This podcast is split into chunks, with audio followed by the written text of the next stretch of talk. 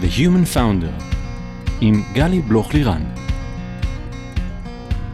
היי, כאן גלי בלוך לירן וברוכים הבאים ל-The Human Founder, הפודקאסט שבו מדברים על ההיבטים המנטליים של המסע היזמי. כולם מדברים על ה roller coaster שכרוך בלהיות יזם ואולי גם משקיע ואולי גם חוקר בתחום. משהו שמדמה את ה sequence של מניה דיפרסיה. איך חווים low חזק כשמחקר מדעי לא מגיע לתוצאה המבוקשת, ואיך מרגישים היי מטורף כשחושפים תגליות חדשות על טבעו של המוח האנושי. והמקום הזה, חוסר הוודאות הזה, הצורך לשמור על עצמנו כל הזמן ברמת ניהול עצמי גבוהה, אנרגיה גבוהה ועם חוסן מנטלי להתמודד עם הכל, זה ממש לא פשוט. בכל פרק אני אשוחח עם יזמים, משקיעים, יועצים, פסיכולוגים, חוקרים ואנשים שחוו יזמות מכל גווניה השונים, במטרה לתת מקום ללייר הנוסף הזה שפחות מדברים אותו בקול רם, ההיבט המנטלי שמלווה את הדרך היזמית, וגם אשתף עצות וכלים שיסייעו לכם לייצר פוקוס, בהירות וחוסן מנטלי, כדי להיות יזמים מאוזנים שטוב להם. היום איתי כאן אה, פרופסור אמיר עמדי. אהלן, איזה כיף שאתה פה. היי, כיף להיות פה. אה, המון המון אה, דברים מרשימים ככה יש לספר עליך, אז אני אגע בכמה מהם כשאני מציגה אותך. אתה חוקר אה, מוח מחלוצי המחקר הרב-חושי. פיתחת טכנולוגיות מוח ואתה חוקר את היחס בין הטבע והגנים לסביבה, בעיצוב פעילות המוח והתפתחותו. פרסמת מעל 100 אה, מאמרים מקוריים ופרקים בספרים שצוטטו מעל עשרת אלפים פעמים והוצגו במקומות כמו national geographic והוושינגטון פוסט והניו יורק טיימס, אתה ממש ככה קליבר. אה, זכית בעשרות פרסים בינלאומיים ומקומיים ולאחרונה אפילו נבחרת כאחד מ-100 אנשי חזון בפרויקט מורשת איינשטיין. אתה בעל דוקטורט בחישוביות עצבית והדמיה ועמית המחקר אה, האורח ב-NIH וגם מדריך לנוירו, לנוירולוגיה, סליחה, בבית הספר לרפואה בהרווארד. ופרופסור מן המניין מהאוניברסיטה העברית. והיום אה, אתה עומד בראש מכון אה, ברוך איבצ'ר לחקר המוח, קוגניציה וטכנולוגיה באוניברסיטת רייכמן, אה, שהוא אחד מהמכונים המתקדמים וחשובים בעולם בחקר המוח והחושים.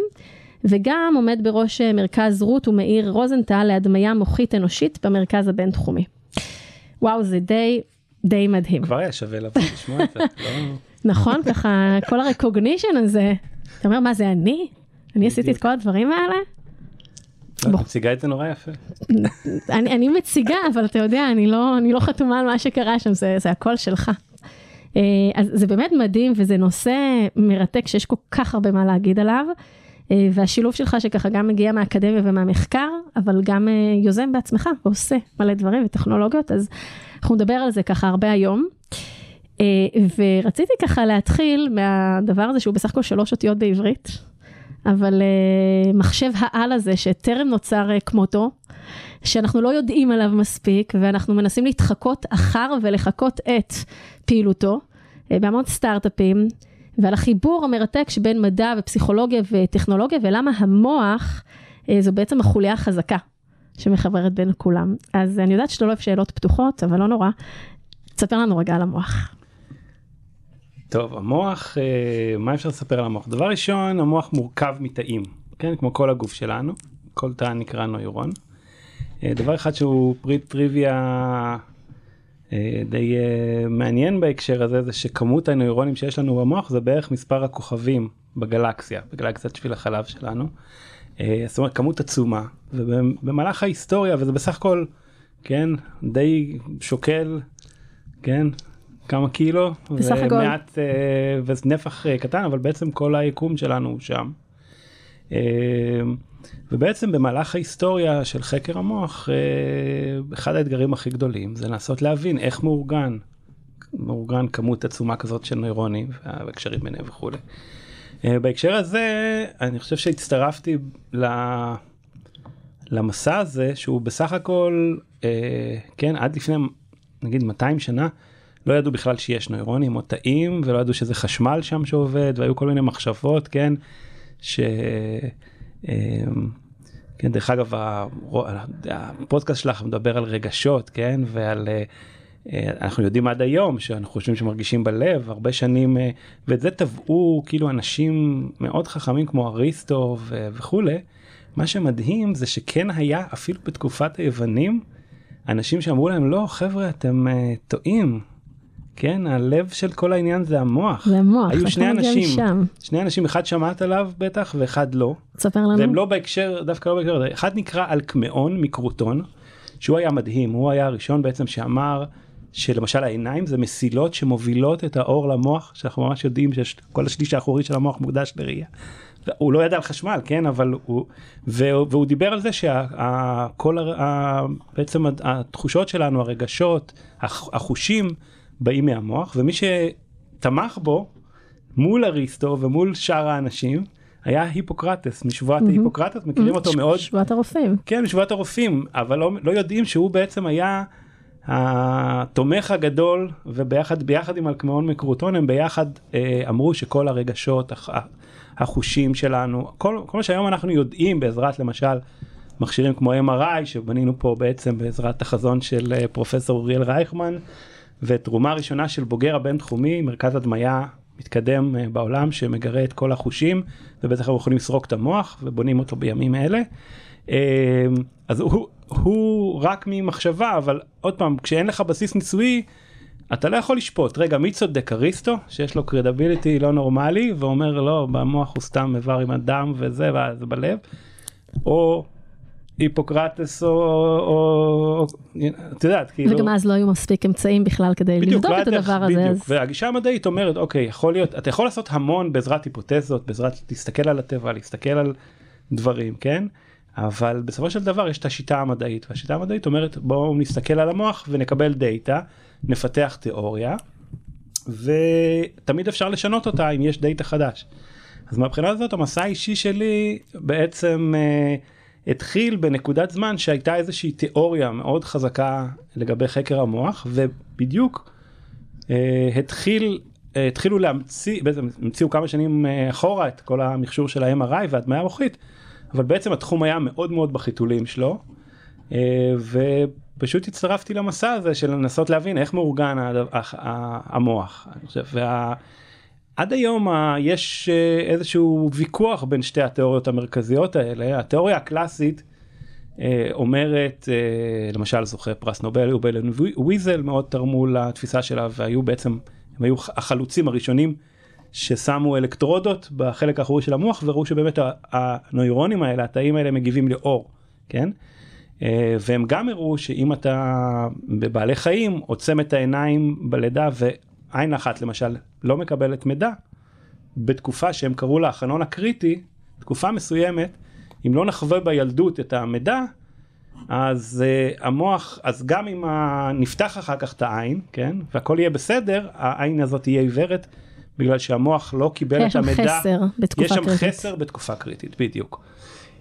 אה, אז בעצם התיאוריה היא שהמוח הקלאסית, הקלאסית הקודמת. כן, ממש. שהמוח מסודר לפי החושים אוקיי יש division of labor זה נקרא חלוקת עבודה כן, כמו שבחברה יש חלוקת עבודה אחד אחראי על הכספים אחד אחראי על ה... כן. אה, כמובן שכל החלקים צריכים לדבר אחד עם השני באיזושהי צורה אבל בעקרונית הגישה הייתה מראה אוקיי העונה האוקסיפיטלית החלק הכי אחורי מוקדש לראייה. העונה הטמפורלית הצידית מוקדשת לשמיעה שפה מוזיקה. העונה הפרייטלית יש שם מפה של הגוף כן וכל התחושות מגע חום כאב וכולי והעונה הפרונטלית היא מין איזה עושה דברים יותר גבוהים executive functions כן כל ה-CEOs יושבים בעונה שמה. הפרונטלית כן ומדכאים את ה... אומרים זה יעבוד זה לא אני מאוד רוצה עכשיו לאכול עכשיו אני נורא רעב כן אני רוצה לאכול אה, אה, שוקולד מולי ואני רוצה לאכול שתי חפיסות. והעונה הפרונטלית אומרת לא. תסתפק בשתי לא- קוביות. בדיוק. אז זה executive functions למשל. אוקיי. ובעצם כשאני התחלתי אז התפיסה הייתה שיש את החלוקת עבודה הזאת והדבר השני היה מה שהיובל וויזל אמרו חבר'ה יש איזה חלון קריטי לקבל את המידע החושי וגם את הדברים האחרים של ה- כמובן הדברים יותר גבוהים ואם לא אה, אז אז אז זה בעיה עכשיו ו- וזה לעולם לא ישתקם גם אוקיי. שזה ראייה שזו אמירה מאוד מאוד מאוד אה, חד משמעית. מאוד חד זה משמעית. לעולם לא ישתקם. זה לעולם לא, כן, מי שלמשל לא חווה ראייה בתקופת הראייה, לעולם לא יוכל לראות מחזרה או לשמוע וכולי וכולי. אמ, זהו, ובמחקרים שלי בעצם אני מראה שלמשל, אמ, אחד הפרויקטים הראשונים שעשינו, ש- שזו בעצם גישה אחרת. כן, הגישה שנייה, האחרת אומרת שהמוח לא מאורגן לפי החושים, אלא הוא מאורגן לפי משימות. הוא מאוד משימתי המוח. הוא מבצע חישובים מסוימים, הוא צריך לפתור בעיה מסוימת, כן? ואם הוא פותר את הבעיה הזאת, אז אה, לא, לא כל כך חשוב לו מה החוש שדרכו אנחנו מקבלים את המידע שעוזר לי לפתור את הבעיה. זה בעצם התיאוריה ש, שאני לי, ויותר מזה, גם מוח שמעולם לא ראה או מעולם לא שמע, אם נעשה לו מעקף, נעשה לו איזה מין בייפס, ונספק לו את המידע מחוש אחר, המוח יסתגל בתוך שעות, גם מוח שמעולם לא ראה או מעולם לא שמע. אה, זאת אומרת, זה גישות מאוד מאוד שונות ומאוד מנוגדות. אה, זהו, ובהתחלה היה הרבה... אה, היה הרבה רעש? מה, מה אתה בא גם עם הרבה הבשורות החדשות? רעש, גם התנגדות. זאת אומרת, אמרו, זה כל מיני ארטיפקטים, זה דמיון, זה משהו אחר, זה... אני לא, לא אכנס לכל הניסויים שעשינו, אבל אני חושב שהפריצת דרך הגדולה הייתה בלשכנע את העולם, אוקיי? הייתה דווקא דרך טכנולוגיות, דרך שיתופי פעולה, ושם פתאום הבנתי איזה כוח אדיר זה לשלב את עולם ההייטק ועולם הפיתוח הטכנולוגי עם שאלות בסיסיות בחקר המוח, כי פתאום יש לך כלים חדשים אה, לחקור שאלות שנורא קשה לחקור אחרת, כן? אה, בעצם לש... דרך הפיתוח הטכנולוגי, כן? אז זה נשמע קצת אה, מאוד אבסטרקטי, אז אה, יחסית לזה שלא רציתי שאלות פתוחות, אני רואה שזה אני... אתה רואה, אתה דווקא טוב בזה, אתה בעצם פחדת וחששת, ובוא ננתח מה קרה לך במוח. כן. והנה, לוחצים על פליי וזה סבבה. בדיוק. וכשאני חושבת ככה, אה, כשאתה מדבר על ה... כאילו על איזה אנלוגיה כזאת בין הגישה הקלאסית לבין הגישה השנייה שתיארת כרגע, יש פה גם איזושהי הסתכלות ככה, אם אנחנו מסתכלים על המסע היזמי בין כל מיני דברים, אז אני דווקא ככה, יזמים, הרבה פעמים, הם באמת בגישה השנייה. הם בדיוק. צריכים מה שצריך, יש משימה, בואו נראה עכשיו איזה דברים ואיזה אמצעים ואיך אנחנו resourceful כדי לעשות את כל הדבר הזה to make it happen, no matter what, ולאט לאט כשהחברה גדלה וככה בסקייל שלה וכולי, מתחילה להיות איזושהי ככה חלוקה לאזורים, לדברים וככה מערכות. לגמרי. אה, שעובדות. אה, אני חושב שעוד עוד דבר שהוא נורא מעניין בהקשר הזה, שנתקלתי במה זה יזמים טובים ומה זה יזמים לא טובים. אה, וזה מאוד מדבר על התיאוריה הזאת של ה... בוא נפתור משימות או בוא אה, אה, נביא מידע מ- מצד אחד לא נביא אותו מצד אחר הוא לא לא מהחוש הזה מחוש אחר כן יש לי בעיית שמיעה למשל כולנו השמיעה שלנו מידרדרת כן אוקיי אז בוא. אה, ואם אתה לא מטפל בזה דרך אגב זה איזשהו טיפ אה, גם ליזמים וגם ללא. יזמים לא זה, זה דאטה חדש מהכמה שנים האחרונות מטורף. א', אה, ככל שאתה מאבד את השמיעה, ועוד פעם כולנו מאבדים, אחרי גיל 50 מתחילים לאבד את שערה, תאים הנוירונים האלה, מחובר בעצם לנוירונים הראשונים שחווים, מעבירים את המידע על שמיעה. הסיכוי שלך לפתח מחלות כמו דמנציה, אלצהיימר ודיכאון וואו. עולה פי כמה. וואו. אה, עוד לא מבינים עד הסוף את את. המנגנונים, אבל אה, מדובר פה על עשרות אחוזים, לא על איזה אפקט קטן, כן? אז אה, נורא אפשר- חשוב לטפל בשמיעה. בדיוק. למנוע את הדבר אה, הזה. כן, את יודעת, יש אה, אנשים מסוימים, גם אני לפעמים אומר, לא רוצה לשמוע שום דבר עכשיו, אני רוצה להתכנס ב... יש אנשים שמאבדים שמיעה, אומרים, בסדר, עכשיו אני אלך לניתוח אה, שתלים קוכליאליים, אני אלך לשים שתל, אני אלך להשתמש בטכנולוגיה חדשה של מגע. חשבתי שאתה צוחק על הלא רוצים לשמוע שום דבר עכשיו, שזה אנשים לפעמים רגע רוצים להיות עם עצמם, ולא רגע כן, לשמוע, ליטרלי, האמת שזה גם חשוב, זה חשוב, שזה משהו חשוב. דווקא. אבל גם חשוב לשמור על כן. הקומוניקציה והיכולות החברתיות וזה דברים שאתה מאבד את השמיעה אתה לא חושב על זה זה אחד הצדדים אז נגיד אתה יכול כנגיד טכנולוג להגיד אוקיי רגע בוא נפתח איזשהו משהו שיתלבש לי על האצבע או על איזשהו צמיד ויעביר לי את המידע דרך רטט. מהמם. כן, בעולם החי יש הרבה דוגמאות כאלה צרצרים למשל שומעים דרך הרגליים לא דרך האוזניים יש להם מין איזה מנגנון רטט על הגוף כן אתה בעצם אומר איך לעשות קומפנסציה על מנגנונים שכבר לא פועלים ברמות חושיות מסוימות, דרך אה, חושים אחרים, בדיוק דרך אה, בדיוק. מקומות אחרים אז בגוף. אני, אני חושב שאיפה שנתקלתי בזה בעוד פעם לא אבל כאילו בלהסתכל זה הרבה פעמים אתה מקים חברה מסוימת אתה מסתכל על חברה כן והיא הוקמה לפתור בעיה מסוימת עם טכנולוגיה מסוימת. ופתאום אתה מבין הגמישות ומה שאנחנו מראים בעצם זה שתוך כמה שעות או עשרות שעות המוח האזור נגיד שמיעה משתנה לגמרי ומגיב עכשיו לרטט האזור ראייה משתנה לגמרי מגיב לצלילים. זה לא אמור להיות אפשרי לפי אובלן ויזל כן בעיקר אם לא היה לך חוויה של אה, אבל עוד פעם אה, אה, בעצם הגמישות הזאת גם היא מאוד חשובה בחברות. זאת אומרת, אתה יכול, אתה יכול להיות אה, מאוד מאוהב באיזה טכנולוגיה מסוימת או באיזה פתרון שלה ובאיזשהו גישה של איך אני הולך ליישם אותה. ולפעמים זה, אתה יודע, זה הום רן, כן? זה באמת מה שחשבת, זה רץ, זה מדהים, זה עובד. אני, אני מדבר על הסתכלות, כן? כן. מה, קצת ה, מהממשק בין העולם הטכנולוגי לעולם המוח, כן? סבבה, זה, אבל זה נדיר, זה מאוד נדיר. הרבה פעמים אתה, יש לך איזה טכנולוגיה ואיזה גישה ואיזשהו שוק, ופתאום אתה עושה איזה גמישות, אתה מבין, רגע, החברה שיש לי בכלל יכולה לפתור בעיה אחרת, או יכולה לפתור את הבעיה בצורה אחרת לגמרי. ויזמים טובים אני חושב זה יזמים שהם מסוגלים לגמישות הזאת להגיד רגע בואו נסתכל או רגע בוא נעצור רגע יש לנו טכנולוגיה בוא אבל בוא לא נהיה מאוהבים בה בוא נסתכל מאוד איזה ארבע יודע, ארבע דרכים אחרות או ארבע דרכים אחרות לבוא לפתור את הבעיה מטכנולוגיה אחרת מגישה אחרת או בכלל זה בעיה אחרת שהטכנולוגיה שלנו יכולה לפתור. אני חושב שהמוח הוא הרבה פעמים הוא, הוא כזה כן זה ההשתנות של, ה, של התפיסה.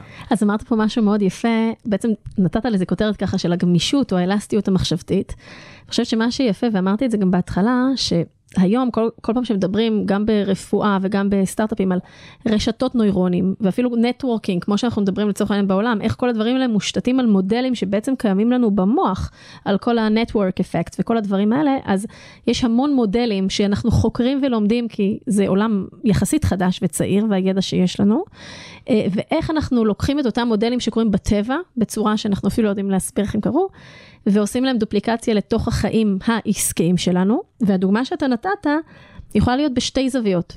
פעם אחת, מה שנקרא pivot, שבתוך חברה אנחנו לפעמים צריכים לשנות את הטכנולוגיה כדי לפתור את הבעיה הזאת מזווית אחרת. והדוגמה השנייה החיצונית זה כשאנחנו מדברים על דברים שהם cross vertical. שהיום פניתי איזשהו solution או טכנולוגיה שמאוד מאוד רלוונטית לעולם הפינטק, ומחר אותה טכנולוגיה יכולה לצורך העניין להיות לעולם הרפואה.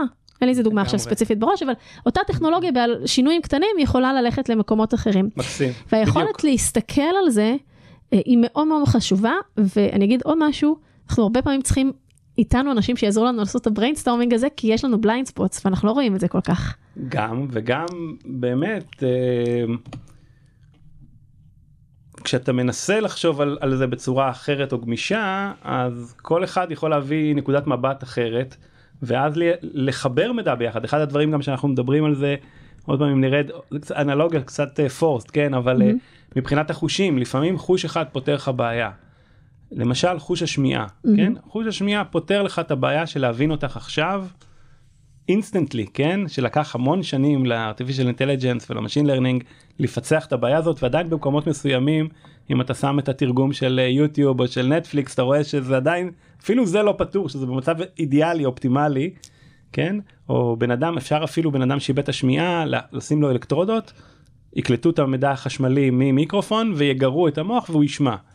אז אה, אז אז אז יכול להיות שחוש אחד פותר את זה במאה אחוז אבל אז פתאום משהו משתבש נוסף רעש כן נגיד פה אנחנו במצב אופטימלי באולפן אבל אם היינו בעולם אמיתי מישהו היה בא ומדבר לידינו מישהו פותח ברז מים תנסו פעם הבאה שאתם מנהלים שיחה במטבח לפתוח את הברז מים. זה עושה disruption.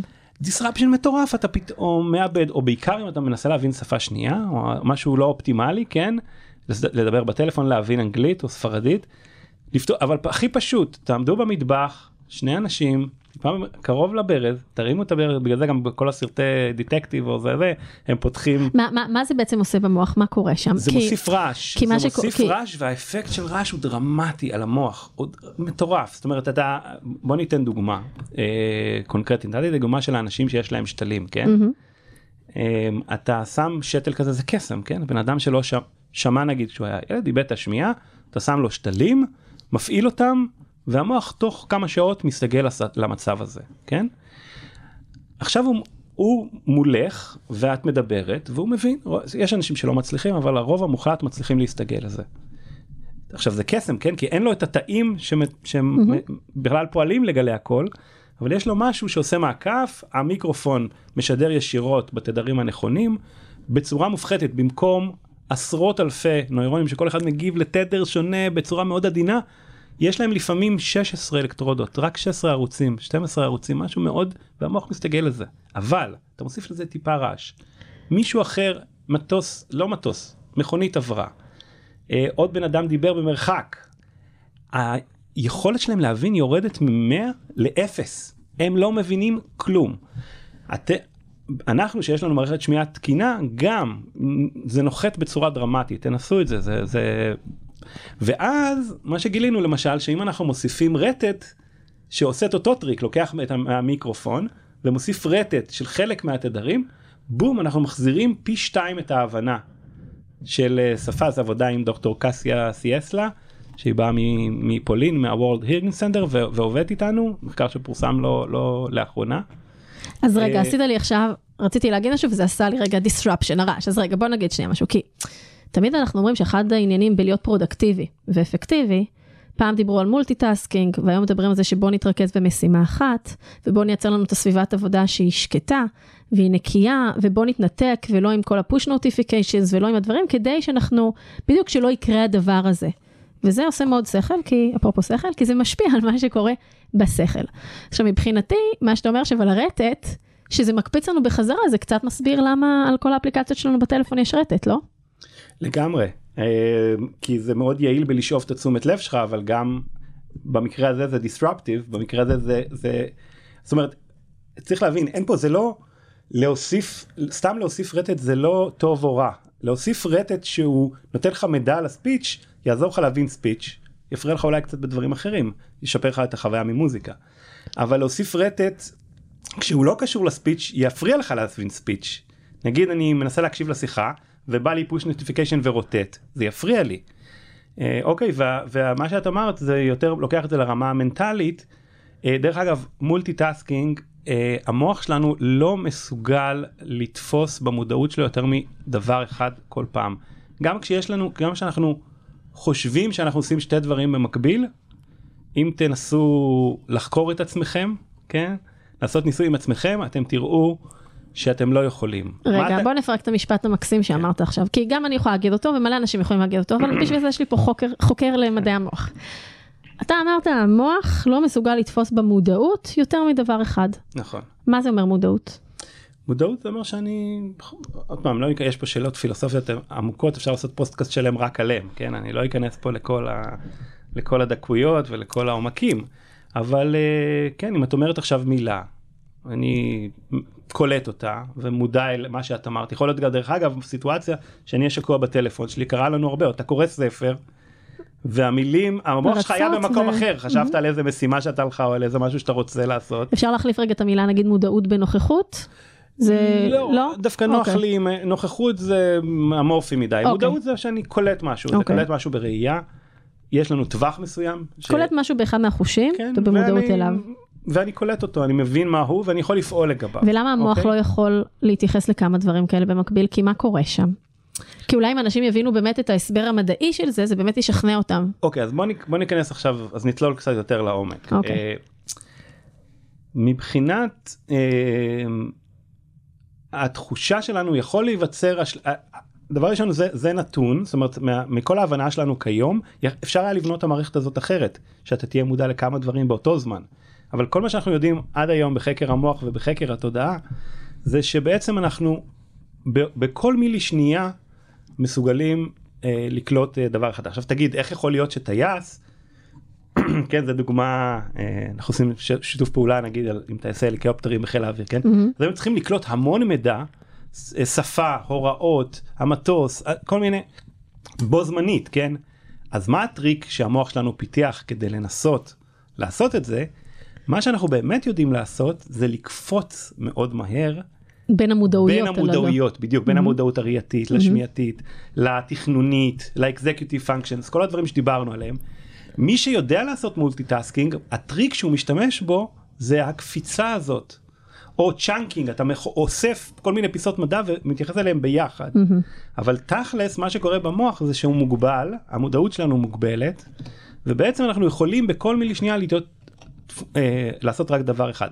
עכשיו אז כאילו אם נראה את זה בסרט נע איטי מאוד מאוד מאוד אז נראה קפיצות אז נראה שיש את זה ברגע הזה ואת זה ברגע הזה אבל אנחנו קופצים ביניהם. בדיוק. זה קצת כמו ומי ש... ומי שיעיל ב multitasking uh-huh. יכול לעשות את זה עם מעט interruption אבל כולנו חווים interruption בעיקר אם אנחנו מחליפים בין משימות. למשל נתת את הדוגמה הזאת אני עכשיו מנהל איתך שיחה ויש פה notification או, או יותר גרוע נכנסת שיחה אז אני המוח שלי מאבד יעילות לדי הרבה זמן לאיזה כן זה יכול להיות 10 ו-20 דקות אני אהיה פחות אופטימלי בעיבוד של הדברים. ולכן מצד אחד בהתחלה אמרנו או אנשים שהם multitasking ולעשות כמה דברים אני יודע חוויתי את זה גם על עצמי כן אתה מנסה להספיק הרבה דברים ואתה מגלה לפעמים שהמחיר שאתה משלם הוא on the short run הוא, הוא אני כבר לא מדבר על הסטרס שנבנה מזה. אתה יכול ללמוד להשתלט על זה וכולי אוקיי אז אה, כן אז אז זה שתי דקות crash course על consciousness ותודעה.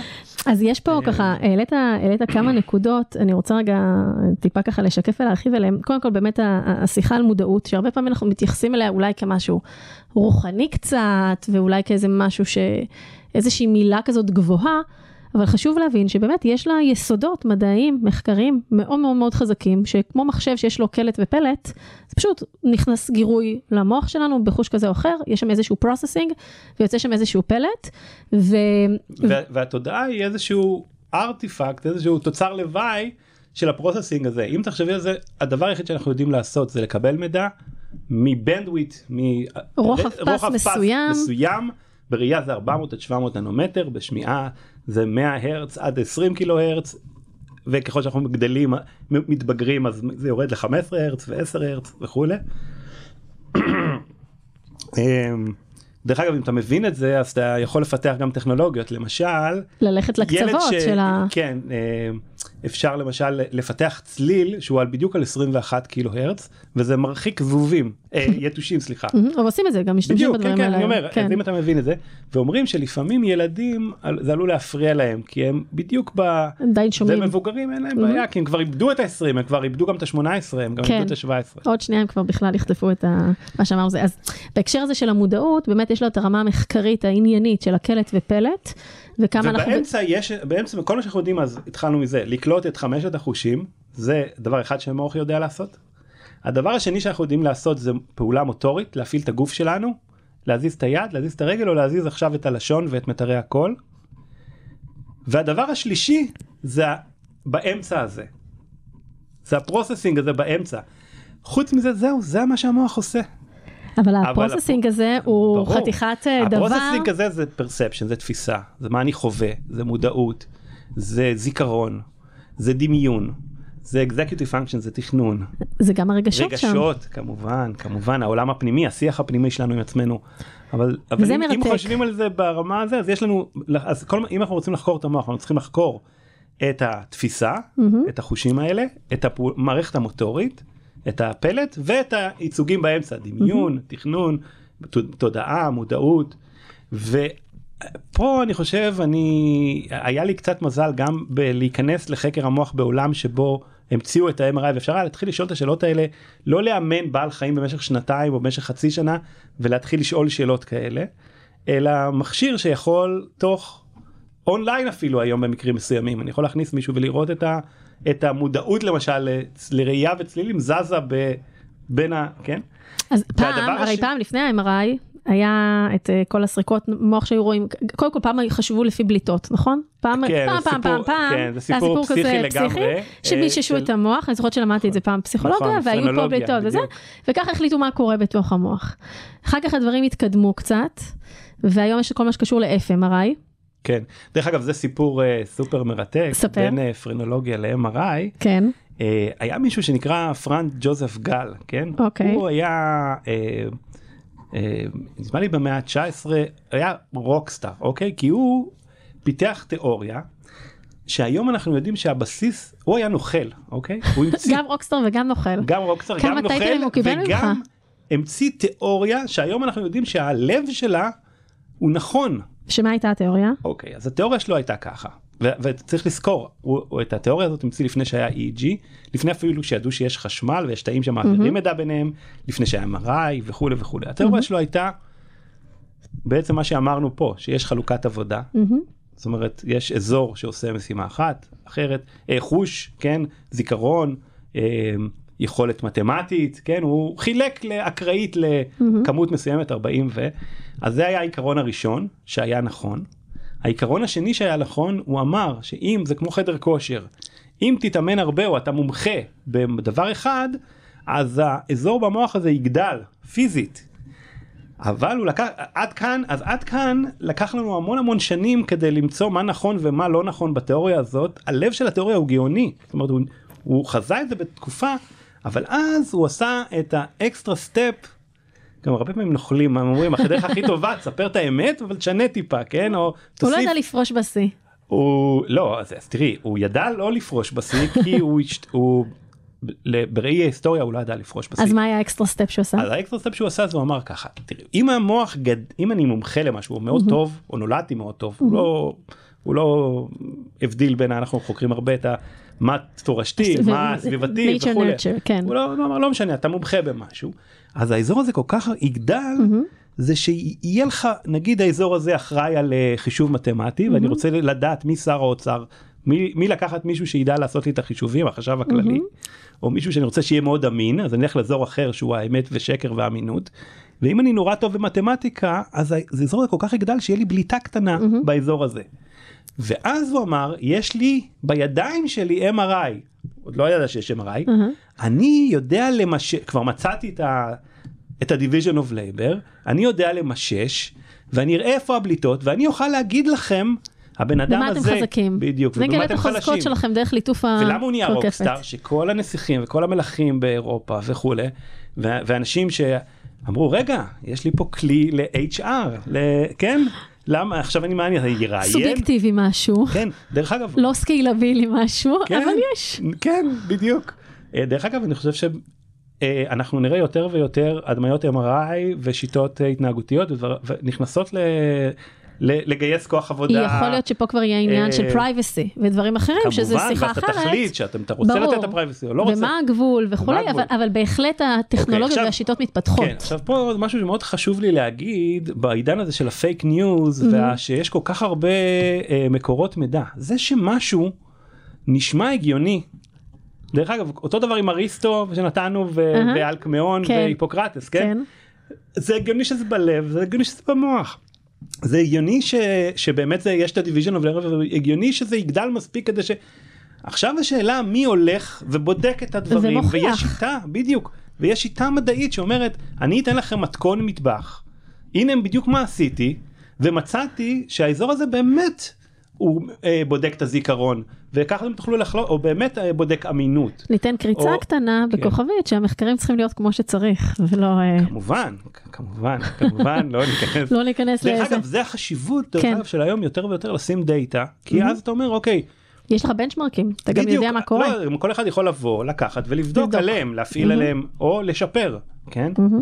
אז, אה, אז אז זה חשוב מאוד להגיד זה שאתם רואים משהו שנשמע מאוד אמין כן? כל הוא הציג את זה גם בצורה מאוד כריזמטי יש אנשים מאוד כריזמטיים אתה מקשיב להם הם כריזמטיים. הם קל אה, זה היה follow. נשמע מדהים. ואז כל האנשים אמרו רגע אין לי כלי אחר. אין לי פתרון יש פה משהו שמאוד מטריד אותי. ואז הוא פשוט הסתובב והרוויח הרבה כסף והרבה פרסום עבר ממקום למקום ונהיה רוקסטאר. עכשיו אז היום אנחנו בעצם אומרים מצד אחד אם אתה מסתכל היום על ה-division of labor שלו ומה שאנחנו מגלים היום ב-MRI או, ב- או אם מישהו קיבל שבץ ואיבד פונקציה מסוימת אין שום קשר אפס קורלציה בין החלוקה שלו לחלוקה שהיום אנחנו מוצאים אוקיי אפס קורלציה. אז אנחנו יודעים שהוא היה שרלטן כן. אמ, אנחנו לא יכולים אנחנו יכולים להסתכל על עכשיו אבל מה אנחנו כן גילינו ב-MRI יש אה, מחקר שכולם אני חושב מכירים בתקופה עוד לפני ווייז אה, לקחו אנשים שעוברים אה, קורס נהגי מוניות הבלק טקסי האלה בלונדון הם שנתיים לומדים לנווט ולומדים מפעילים את הזיכרון המרחבי שלהם ובכלל את הזיכרון ואת הניווט.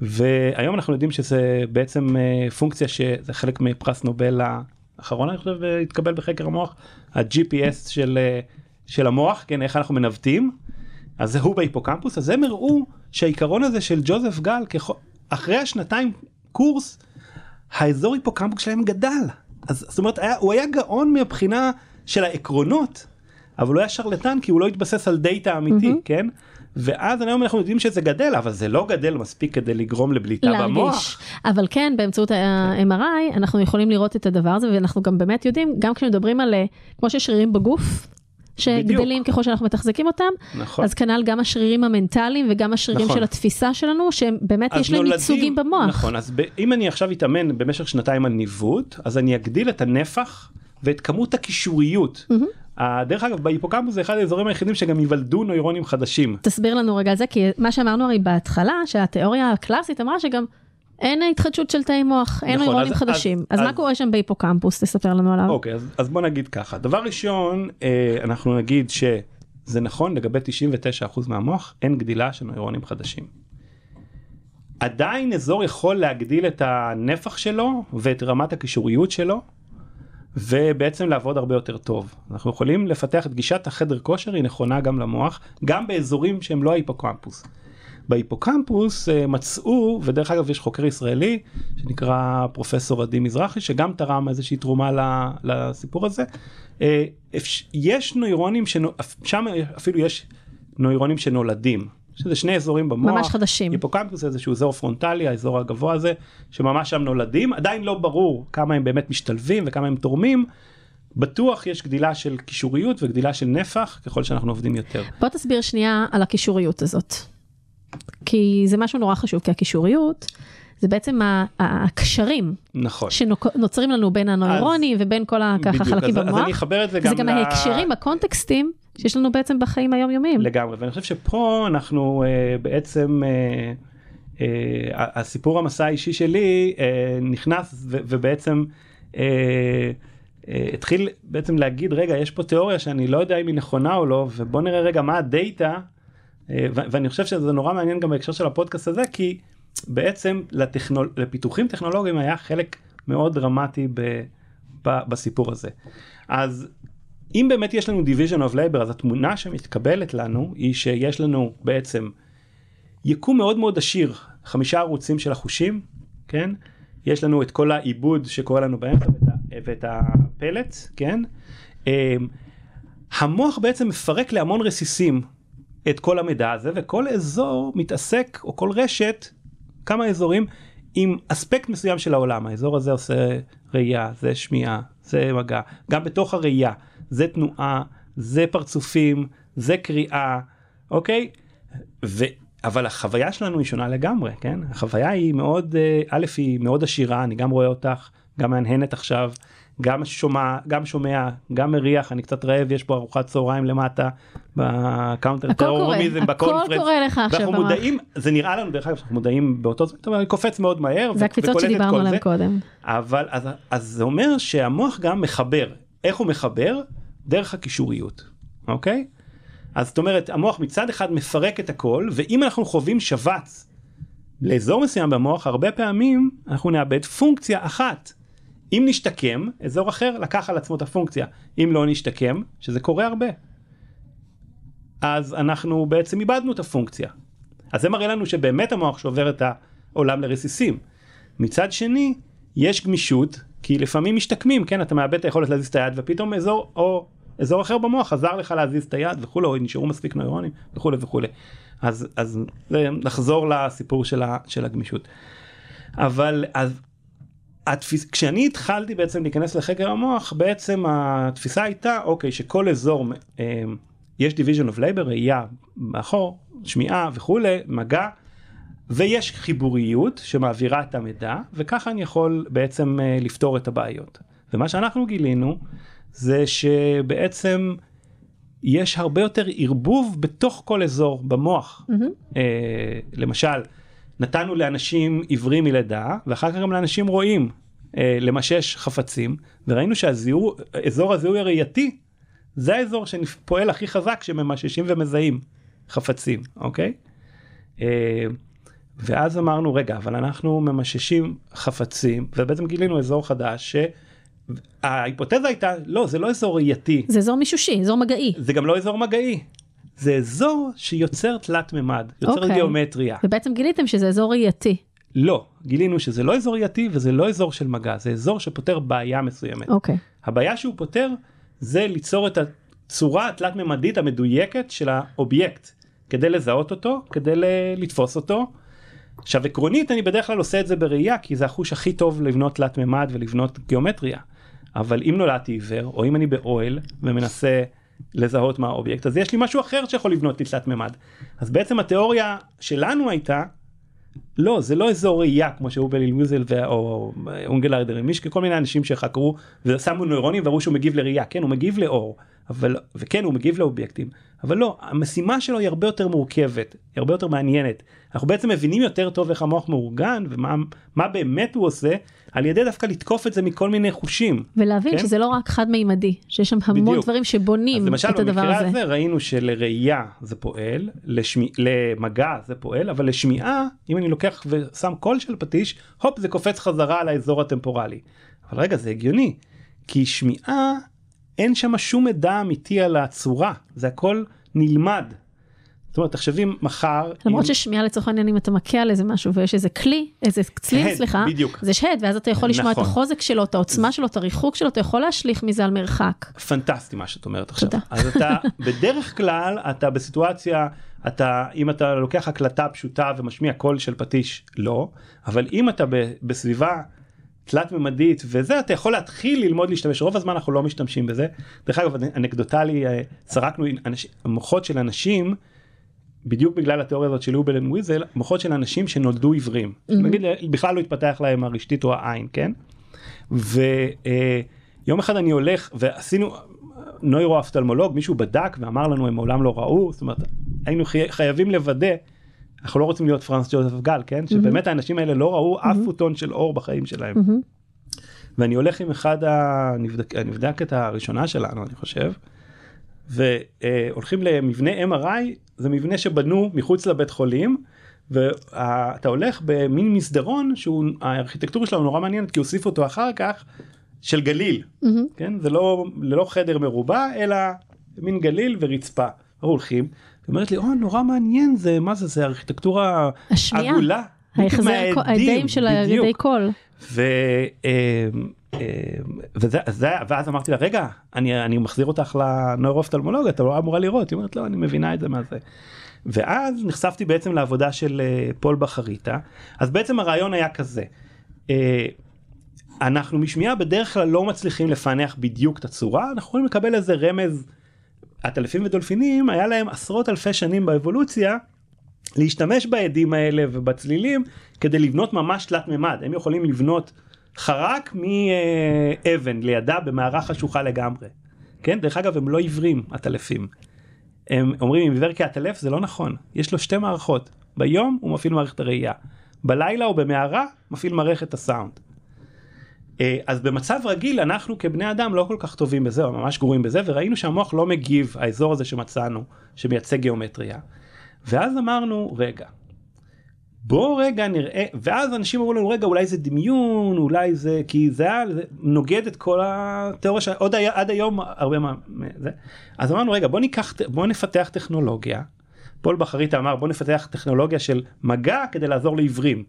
אז בוא נפתח טכנולוגיה שבדיוק מנסה לעשות אבולוציה מהירה ולאפשר לאנשים תוך כמה עשרות שעות לייצג תלת מימד אוקיי ולימדנו אותם באמת להשתמש בטכנולוגיה הזאת ופתאום ראינו שתוך כמה שעות שהם למדו להשתמש בטכנולוגיה האזור הזה התחיל לפעול גם לצליל אוקיי ואז זה ממש וגם אצל אנשים האזור הראייתי הזה אה, עבד לצלילים גם אצל אנשים שמעולם לא ראו.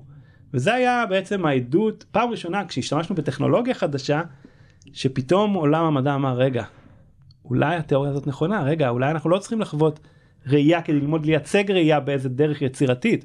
אולי יכולים לעזור לאנשים שלא שומעים טוב דרך רטט וכולי כל המעקפים האלה וגם הפלסטיות הזאת של המוח. והכי חשוב אתה לא גם אם היה לך ילדות קשה ילדות נוראית גם אם לא חווית ראייה ואתה עיוור גם אם זה רגשי תמיד יש דרכים לעשות בייפס, אם דרך טכנולוגיה, אם דרך אחרת, גם אם חווית משהו רגשי, היום אנחנו מתעסקים הרבה עם הממד הרגשי נפשי. אז רגע עוד, עוד שנייה נגיע אליו, כן. אבל כדי שנייה לסגור את הדבר הזה שאתה אומר, אני, כי רק, ה, כן, ה, אני רק אולי אגיד כן דבר אחד, כי אני בכל זאת מדען זהיר. בכל זאת.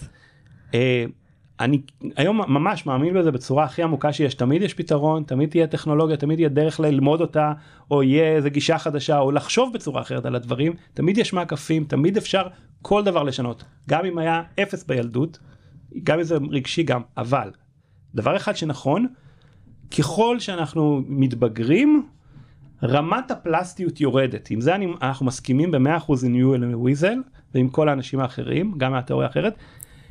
כמובן שכשאתה ילד התנאים שלך הכי אופטימליים. הכי הכי אופטימליים והכי טוב שיהיה לך ילדות טובה ותיבנה טוב ו- או שלא תהיה עיוור או שלא תהיה חירש וככל שזה יותר מאוחר זה יותר קשה. אבל הצד השני של המשוואה זה שגם אם מעולם לא חווית בכלל ראייה בכלל שמיעה גם בגיל 70 ו65 והראינו את זה אתה יכול לשקם את המוח להגיב למידע ולבצע את המשימות. וזה אני חושב שזה גם נכון פה אנחנו צריכים יש יותר דרך לעבור זה נכון גם ברמה הנפשית הרגשית אה, של העולם הפנימי שלנו וזה תחומים קצת יותר אה, כן פאזי קצת יותר אה, קשים אבל אין לנו ברירה אנחנו חייבים גם להיכנס אליהם ולפתח טכנולוגיות שיעזרו לנו להתמודד איתם. שנייה לפני שנעמיק על הנקודה הזאת, אז ככה, to recap את מה שאמרת, ה-compensation הזה בין החושים והאופן שבו תיארת שגם מי שהייתה לו ילדות ככה מבחינה מטאפורית, כן? כן. אז אני חושבת שזו נקודה מאוד מאוד משמעותית ל- להפנים אותה, שלא משנה מאיזה threshold אנחנו מתחילים. הנקודה היא לא לאן אה, אנחנו מגיעים, או בהשוואה לדברים אחרים, או בהשוואה לאנשים אחרים, או לחברות אחרות, הנקודה היא איך כל פעם ביחס לעצמנו, אנחנו עוד קצת למעלה, עוד טיפה מתפתחים, עוד טיפה צומחים בתוך הדבר הזה, ואלה הקפיצות, וכן, ככל שנעבוד על עצמנו בשלב מוקדם יותר, על כל מיני ערוצים, בין אם זה הערוצים המנטליים, ובין אם זה הערוצים של ללמוד כל הזמן, ולחזק את השרירים האלה, שבין אם זה שרירים של איך ללמוד, ובין אם זה שרירים של איך להתמודד, ובין אם זה שרירים של קבלות החלטות, שהכל יש להם גם ייצוגים במוח, אז uh, כך יהיה לנו uh, טוב יותר, ובכלל, כל ה- השיחה הזאת היא שיחה... והנקודה הנוספת היא שיש המוח יודע אם המידע הוא משמעותי או הטכנולוגיה שאתה מייצר או הפתרון או ה-coach whatever הוא משמעותי והמוח יודע אתה מלמד את המוח בהדרגתיות בצורה הנכונה לאבד אותו תמיד אפשר לבצע מעקפים. זה וזה- אני חושב גם וזה- בעולם הסטארט-אפ תמיד יש מעקף עוד שיטה עוד תמיד דרך. יש דרך, תמיד עוד- עוד, יש. כן. עוד איזשהו חלון, כמו שאמרנו קודם, כשאומרים לסטארט-אפ אה, על משהו, או ליזם אומרים משהו אה, אה, לא לחלון, שם מתחיל ה-negotiation, נכון? איך אפשר בדיוק. לפתוח אותו? אז A closed door זה- is the beginning of the negotiation. אקזקטלי, אז uh, אתה מתחבר פה קצת לנקודה של שינוי הרגלים. והנושא הזה שהוא באמת ככה בא לידי ביטוי במוח, כי בין אם זה האזורים שאנחנו משנים אותם, ובין אם זה הקישוריות שקורית בין דברים מסוימים, שאנחנו בעצם, יש, נוצר זיכרון, נוצר זיכרון לדבר החדש הזה שנבנה עם הזמן, אז כשאתה מחזק את השריר, נוצר שם זיכרון חדש, נוצרת שם חוויה חדשה, זה כל העיבוד הזה, העיבוד בעין, הפרוססינג שדיברנו עליו קודם, נוצרים שם דברים חדשים, ואז הם נשארים, והם נשארים איתנו להמשך הדרך. והמון מדברים על המוח, פעם דיברו מוח הפלסטי, היום מדברים על המוח האלסטי יותר, יש, יש הבדל בין הדברים. כן אבל צריך לזכור גם אלסטיות יכולה להיות רעה זאת אומרת אם המוח יותר מדי גמיש זה אומר שיש כאוס. נכון, תחשבו על מקלחת שמשנים טמפרטורה חם קר חם קר או היא מגיבה לאט. אוקיי אז אה, גמישות גם יכולה להיות משהו שעובד נגדך אתה צריך להיות במצב האופטימלי הזה. גמישות מוחזקת. או זה כזו. תלוי באיזה מצב. כן. כשאתה רוצה לשנות אתה צריך להיות יותר גמיש. אתה צריך ל... הכל צריך להיות יותר פאזי וכשאתה התכנסת על משהו טוב אתה יכול אתה לא רוצה להיות מאוד גמיש כי אתה לא רוצה להיזרק משם. אז זו הגמישות, אבל הגמישות. היא לדעת איך להיות ככה ואיך להיות ככה. כן, אפשר להגיד, ב... זה מתקרב כבר לאזורים שהם יותר מדי אה, כן פאז, זאת אומרת מאוד קל לי להגיד אוקיי אני יכול. בן אדם עיוור שלומד לזהות צלילים או להשתמש בטכנולוגיה או בן אדם שיש לו קשיי שמיעה או מנסה ללמוד שפה חדשה דרך רטט יכול להגיד זה ליצור הרגל חדש אז בזה ולוקח המערכת איזשהו זמן להפיק את המידע להתכנס ל... to stabilize זה בדיוק את הקשרים האלה לייצר מחדש לייצג מחדש להעביר מידע מחדש בין, ה- בין החושים זה הרבה יותר אפשרי, אפשרי בכל גיל אבל צריך זמן כדי לעשות את זה אז זה אולי הזמן שהם מדברים עליו לא חזרתי את זה ישירות כן אבל ה-21 יום וזה גם של שינוי הרגלים. תמיד כל הדברים האלה צריך להבין זה יכול להיות 15 יום זה יכול להיות 30 יום ברור, זה איזשהו זה נ"צ. כזה כדי להבין שזה בדיוק. באזור. אז, אז כנראה שזה מה שקורה כן. תגיד, אמיר, התחלת ככה להזכיר את הנושא של אה, רגשות, ופעם, אתה יודע, הם רבו, עם, כמו שאמרת בהתחלה, אם הרגשות הם בלב, או הרגשות הם במוח, ואנחנו בכלל מדברים על החיבור בין כל הדברים האלה. ו... ואחד הדברים שככה גם אני רואה מהקליניקה ומהמון המון יזמים ומשקיעים שאני מדברת איתם, שלאנשים מאוד קשה היום לדבר על רגשות, והם מפחדים ככה להיתפס בוולנרביליות שלהם ובפגיעות שלהם, ומייצר אצלם איזשהו אה, אה, כזה, איזשהו קול כזה, איזשהו שיח פנימי כזה. ו... ו... ו... ואני חושבת הפוך, אני חושבת שבסדר, אנחנו לא צריכים להיות עכשיו כל יום אה, להתבכיין לצורך העניין הזה, אבל לתת מקום לשיח הרגשי הזה, לשיח הפנימי, גם אה, יוצר משהו שהוא הרבה יותר אותנטי, גם עוזר להתחבר למי שסביבנו, גם הרבה יותר לראות את הצד השני, גם עוזר לנו מאוד במשאים ומתנים, ויש לזה ערך מאוד מאוד גדול ב-well-being שלנו. אז איך הרגשות ככה מתנהגים במוח? תספר לנו קצת על המאחורי הקלעים כן, של זה. אז, אז דבר אחד שהוא אה, טריוויאלי מצד אחד ומצד שני מאוד קשה להרבה אנשים לקבל לגבי המוח, זה שאם אני מרגיש עכשיו שמח או עצוב או מדוכא או stressed, או, זה פעילות חשמלית במוח, אוקיי? אה, דרך אגב, אם זה פעילות חשמלית, אז תיאורטית, וגם לא רק תיאורטית, יש ממש, אז הצ'יפ נגיד הזה של אילון מאסק, שאפשר גם לשים אותו באזור של מערכת הרגשות ולשפר, לעשות uh, chip good tune. Vibe, כן? אז uh, עכשיו זה טוב, לא טוב, מסוכן, לא- מה העתיד של האנושות, אפשר לעשות על זה עוד 20 פודקאסטים, כן? לא, לא ניכנס לזה. אבל דבר ראשון חשוב להבין שזה אזורים מסוימים במוח, רשתות. עוד פעם אפשר כל הרשתות אני מאמין שהכל כל החושים מעורבבים כדי לייצג משימה מסוימת אז אם המשימה שלי היא לייצג את העולם הפנימי שלי ואת העולם הפנימי של בן אדם שמולי והרגשי זה חלק מהעולם הפנימי אז uh, יש לזה ייצוגים במוח ואזורים וגמישות ואפשר להגיע לזה מכל חוש וכולי אוקיי. אז זה דבר אחד שאפשר להגיד רגשות. דבר השני אני חושב שהיום אנחנו מבינים דרך MRI דרך אגב אחת התגליות הראשונות הכי דרמטיות שלא הגיע ממחקר בבעלי חיים זה משהו ייחודי מחקר ב-MRI שמה? זה שיש לנו רשת נפרדת שיש לנו ממש שתי רשתות נפרדות שעושות מין איזושהי דיסוציאציה גם פרופסור רמפי מלאך מאוניברסיטה מוויצמן אה, חקר הרבה את התחום הזה הוא התגלה בארצות הברית על ידי רייקל. אה, בעצם יש לנו שתי רשתות. רשת אחת מטפלת בעולם החיצוני ראייה שמיעה מגע וכולי. והרשת השנייה מטפלת בעולם הפנימי שלנו והיא נקראת ה-default system. רשת חדשה שהתגלתה על ידי MRI ובעצם כל השיח הפנימי שיש לנו עם עצמנו גם המחשבות על העבר איזה ריב היה לי בבוקר או לפני שבוע מחשבות על העתיד מה המשימות שאני צריך לעשות כן יזמים יש להם תמיד 70 משימות שרצים והם כל הזמן חושבים 700. על ה... 700 אה, וזה דרך אגב לוקח toll נפשי מאוד אה, לגמרי. קשה כן כי כולם יודעים ש... זה, זה גם מה שדיברנו קודם, יש את ה multitasking ברמה ה tangible של הדברים שאנחנו רואים, ויש את כל ה, מה שמתרוצץ לנו בראש, on top of this, שזה לא דברים שאנחנו רגע נוגעים, אבל הם מטרידים את ואנחנו ממש מנוחתנו. יכולים לראות שהמערכת הזאת עוברת הורדה של הפעילות החשמלית שלה כשאנחנו מתעסקים עם העולם החיצוני למה ואז אנחנו פתאום באים בלילה ומנסים לישון ומה שקורה זה שהמערכת היא הזאת מתעוררת? היא מתעוררת כי אין גירוי חיצוני כן מהמם. והיא מתחילה לפעול בהיפר כן ואז מתחילים לחשוב על העבר על העתיד וכולי ויש לזה טול רגשי מאוד גדול. ופה ואז חושב- מה עושים איתה עם הגילוי הזה? אז זהו, מה שאנחנו עשינו עם הגילוי הזה זה להגיד, אוקיי, יש דרך אגב מכון אה, מדהים פה הבינתחומי אה, באוניברסיטת רייכמן, כולנו צריכים לס, לס, את ה-21 יום שלה לסדר את הרשתות. לשנות את זה עכשיו, לשנות את השם. אה, בדיוק, בסדר, כאילו, אה, תתרגלו. אני כבר לגמרי רגיל.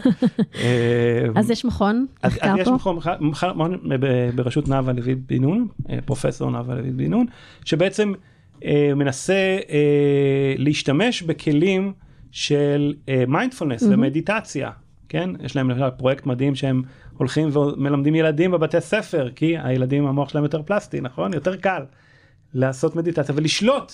בעצם מה זה? במערכת ה default הזו. כן, דרך אגב, מה זה, אם נחשוב על זה מבחינת, דיברנו על קשב, שהמוח יודע להיות מודע רק לדבר אחד, אבל הוא קופץ מאוד מהר בין המודעויות, בתחילת השיחה, כן? אז בעצם זה הכל אימון של קשב, של attention, כן? אם אני עכשיו רוצה לבצע משימה, אז זה טוב שהקשב שלי יהיה למשימות. כי אני רוצה עכשיו לחשוב, לתכנן, אני לא רוצה לחשוב על העבר, אני לא רוצה לחשוב עכשיו על המטוס שעובר פה. אז אני צריך לאמן את הקשב שלי להתעסק בזה. אבל אם אני רוצה עכשיו לישון, או להירגע לפני פרזנטציה חשובה, לא טוב לי שהמוח ילך לריבים אה, בעבר, או ילך למשימות בעתיד. אז אני צריך ללמוד לאמן את הקשב שלי. אז יש תורות של אלפי ואלפי שנים, מאות שנים ואלפי שנים, שבעצם למדה איך לאמן את הקשב ואת התודעה שלנו. הבעיה היא שזה לוקח המון זמן. אני היום כיזם, לפעמים יש לי מזל, או כמדען מוח, או כחוקר, עם המון הסטרס, קשה לי להגיד, אני אלך עכשיו למנזר לשלושה חודשים וילמד את כל השיטות האלה. או נגיד הגעתי למצב שהמערכת שלי, אני, הבטריות למטה, כן, אני צריך to charge, אז אני נוסע לחצי שנה להימאליה ואני אלמד את השיטות האלה ואני אתרגל אותם כל יום.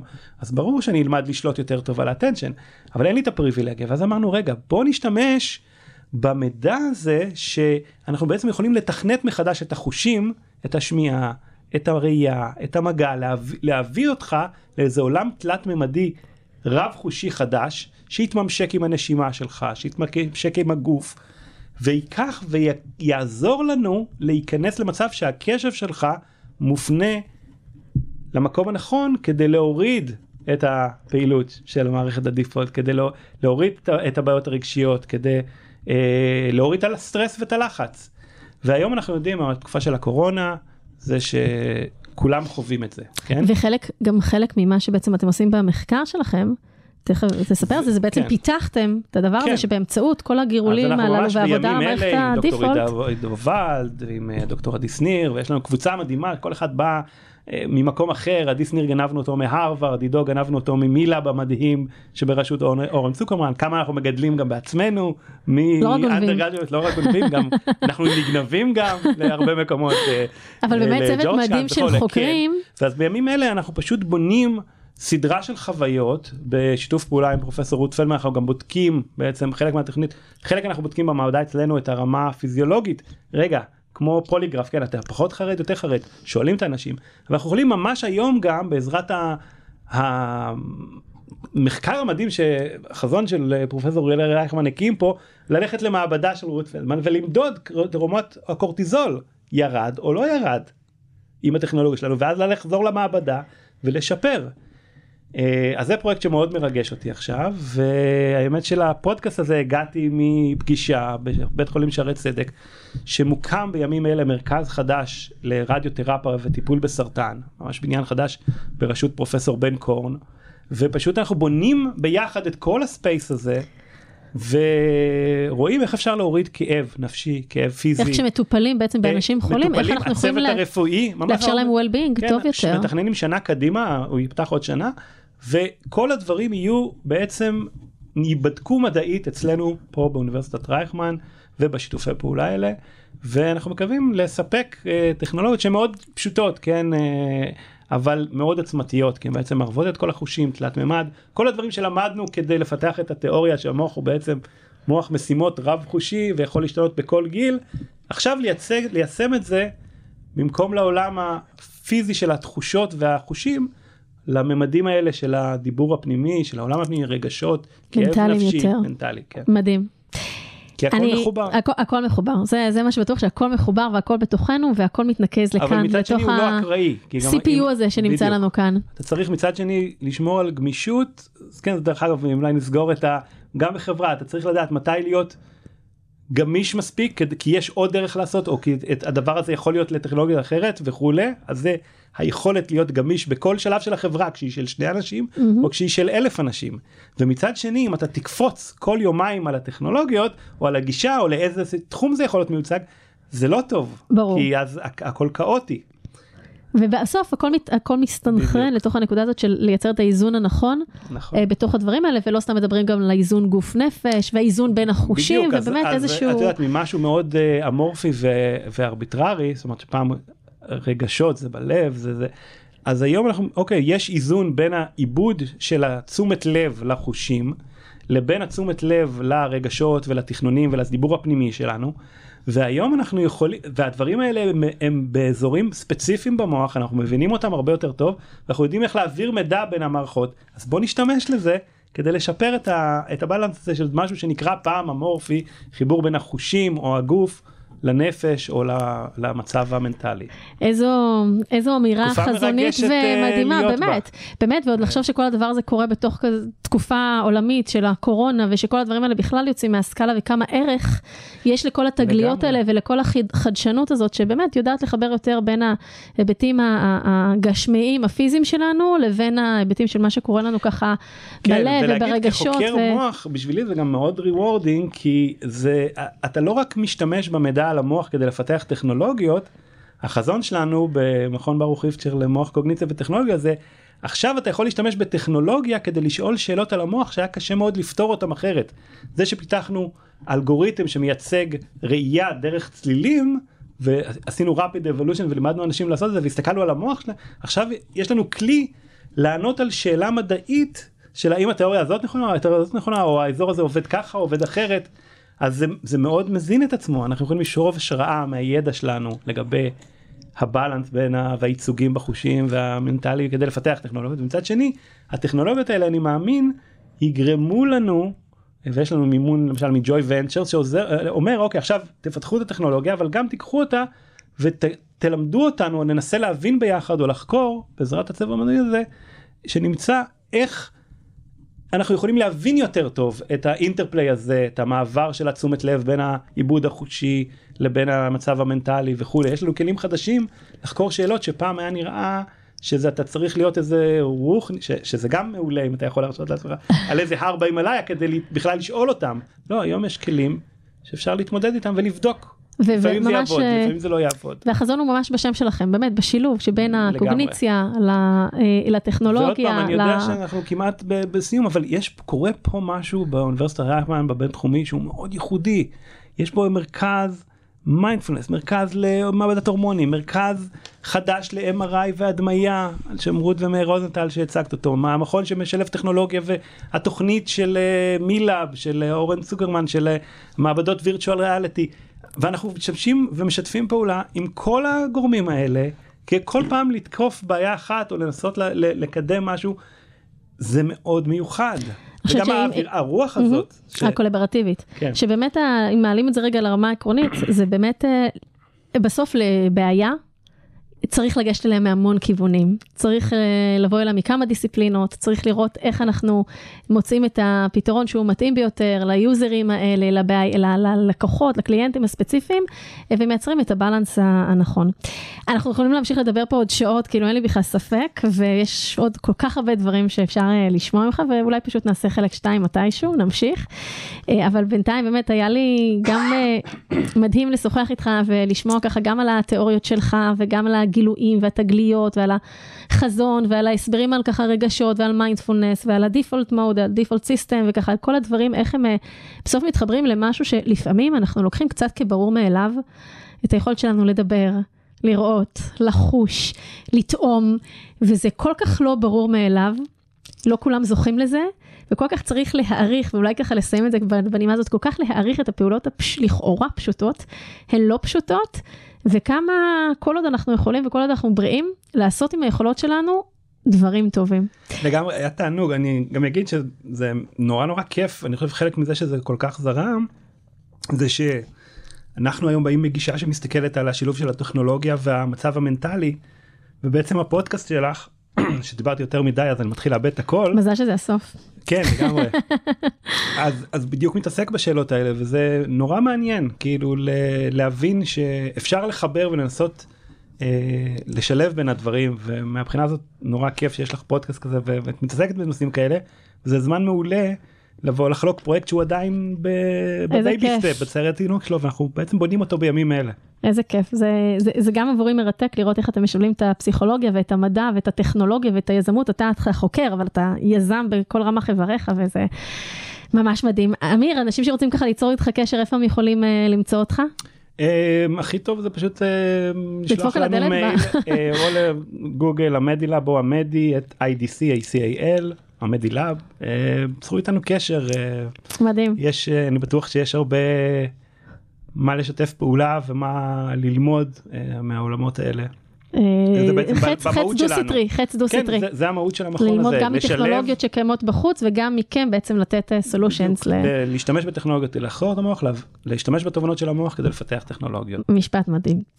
תודה, אמיר, ממש אה, תודה. שבאת. ביי ביי. למאזינים, אנחנו נשים פסיק עד לפרק הבא, ככה אני אומרת גם ליזמים שלי מסשן לסשן.